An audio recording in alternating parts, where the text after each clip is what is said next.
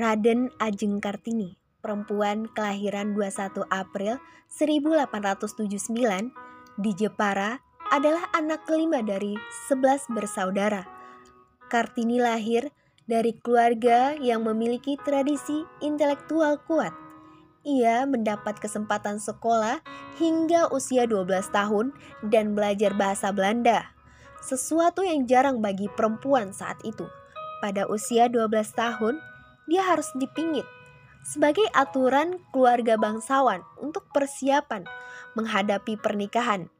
Ia mendapatkan banyak teman gadis-gadis Belanda dan salah satunya adalah Rosa Aben Danon. Majalah Eropa, buku-buku maupun koran yang ia baca memberi wawasan tentang pemikiran feminis di Eropa dan memicu keinginannya untuk memberikan pencerahan bagi perempuan Indonesia yang saat itu kaum perempuan memiliki status yang rendah. Kegemaran Kartini membaca majalah budaya dan majalah ilmu pengetahuan. Sebagai buah dari pemikiran feminis, perempuan berpendidikan ini Melalui surat-suratnya, menulis tentang kondisi sosial yang ada saat itu, khususnya kondisi perempuan di Indonesia. Kebanyakan surat-suratnya memprotes kecenderungan budaya Jawa yang menghambat kemajuan perempuan.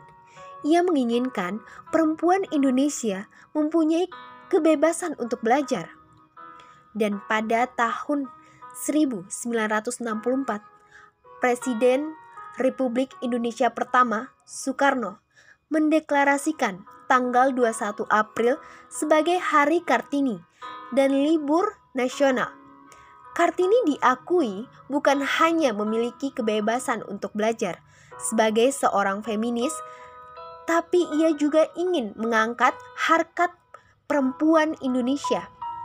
Perempuan keturunan bangsawan ini juga seorang figur nasional yang berperan dalam perjuangan kemerdekaan Hari Kartini untuk mengingatkan kaum perempuan agar turut berpartisipasi dalam pembangunan negara.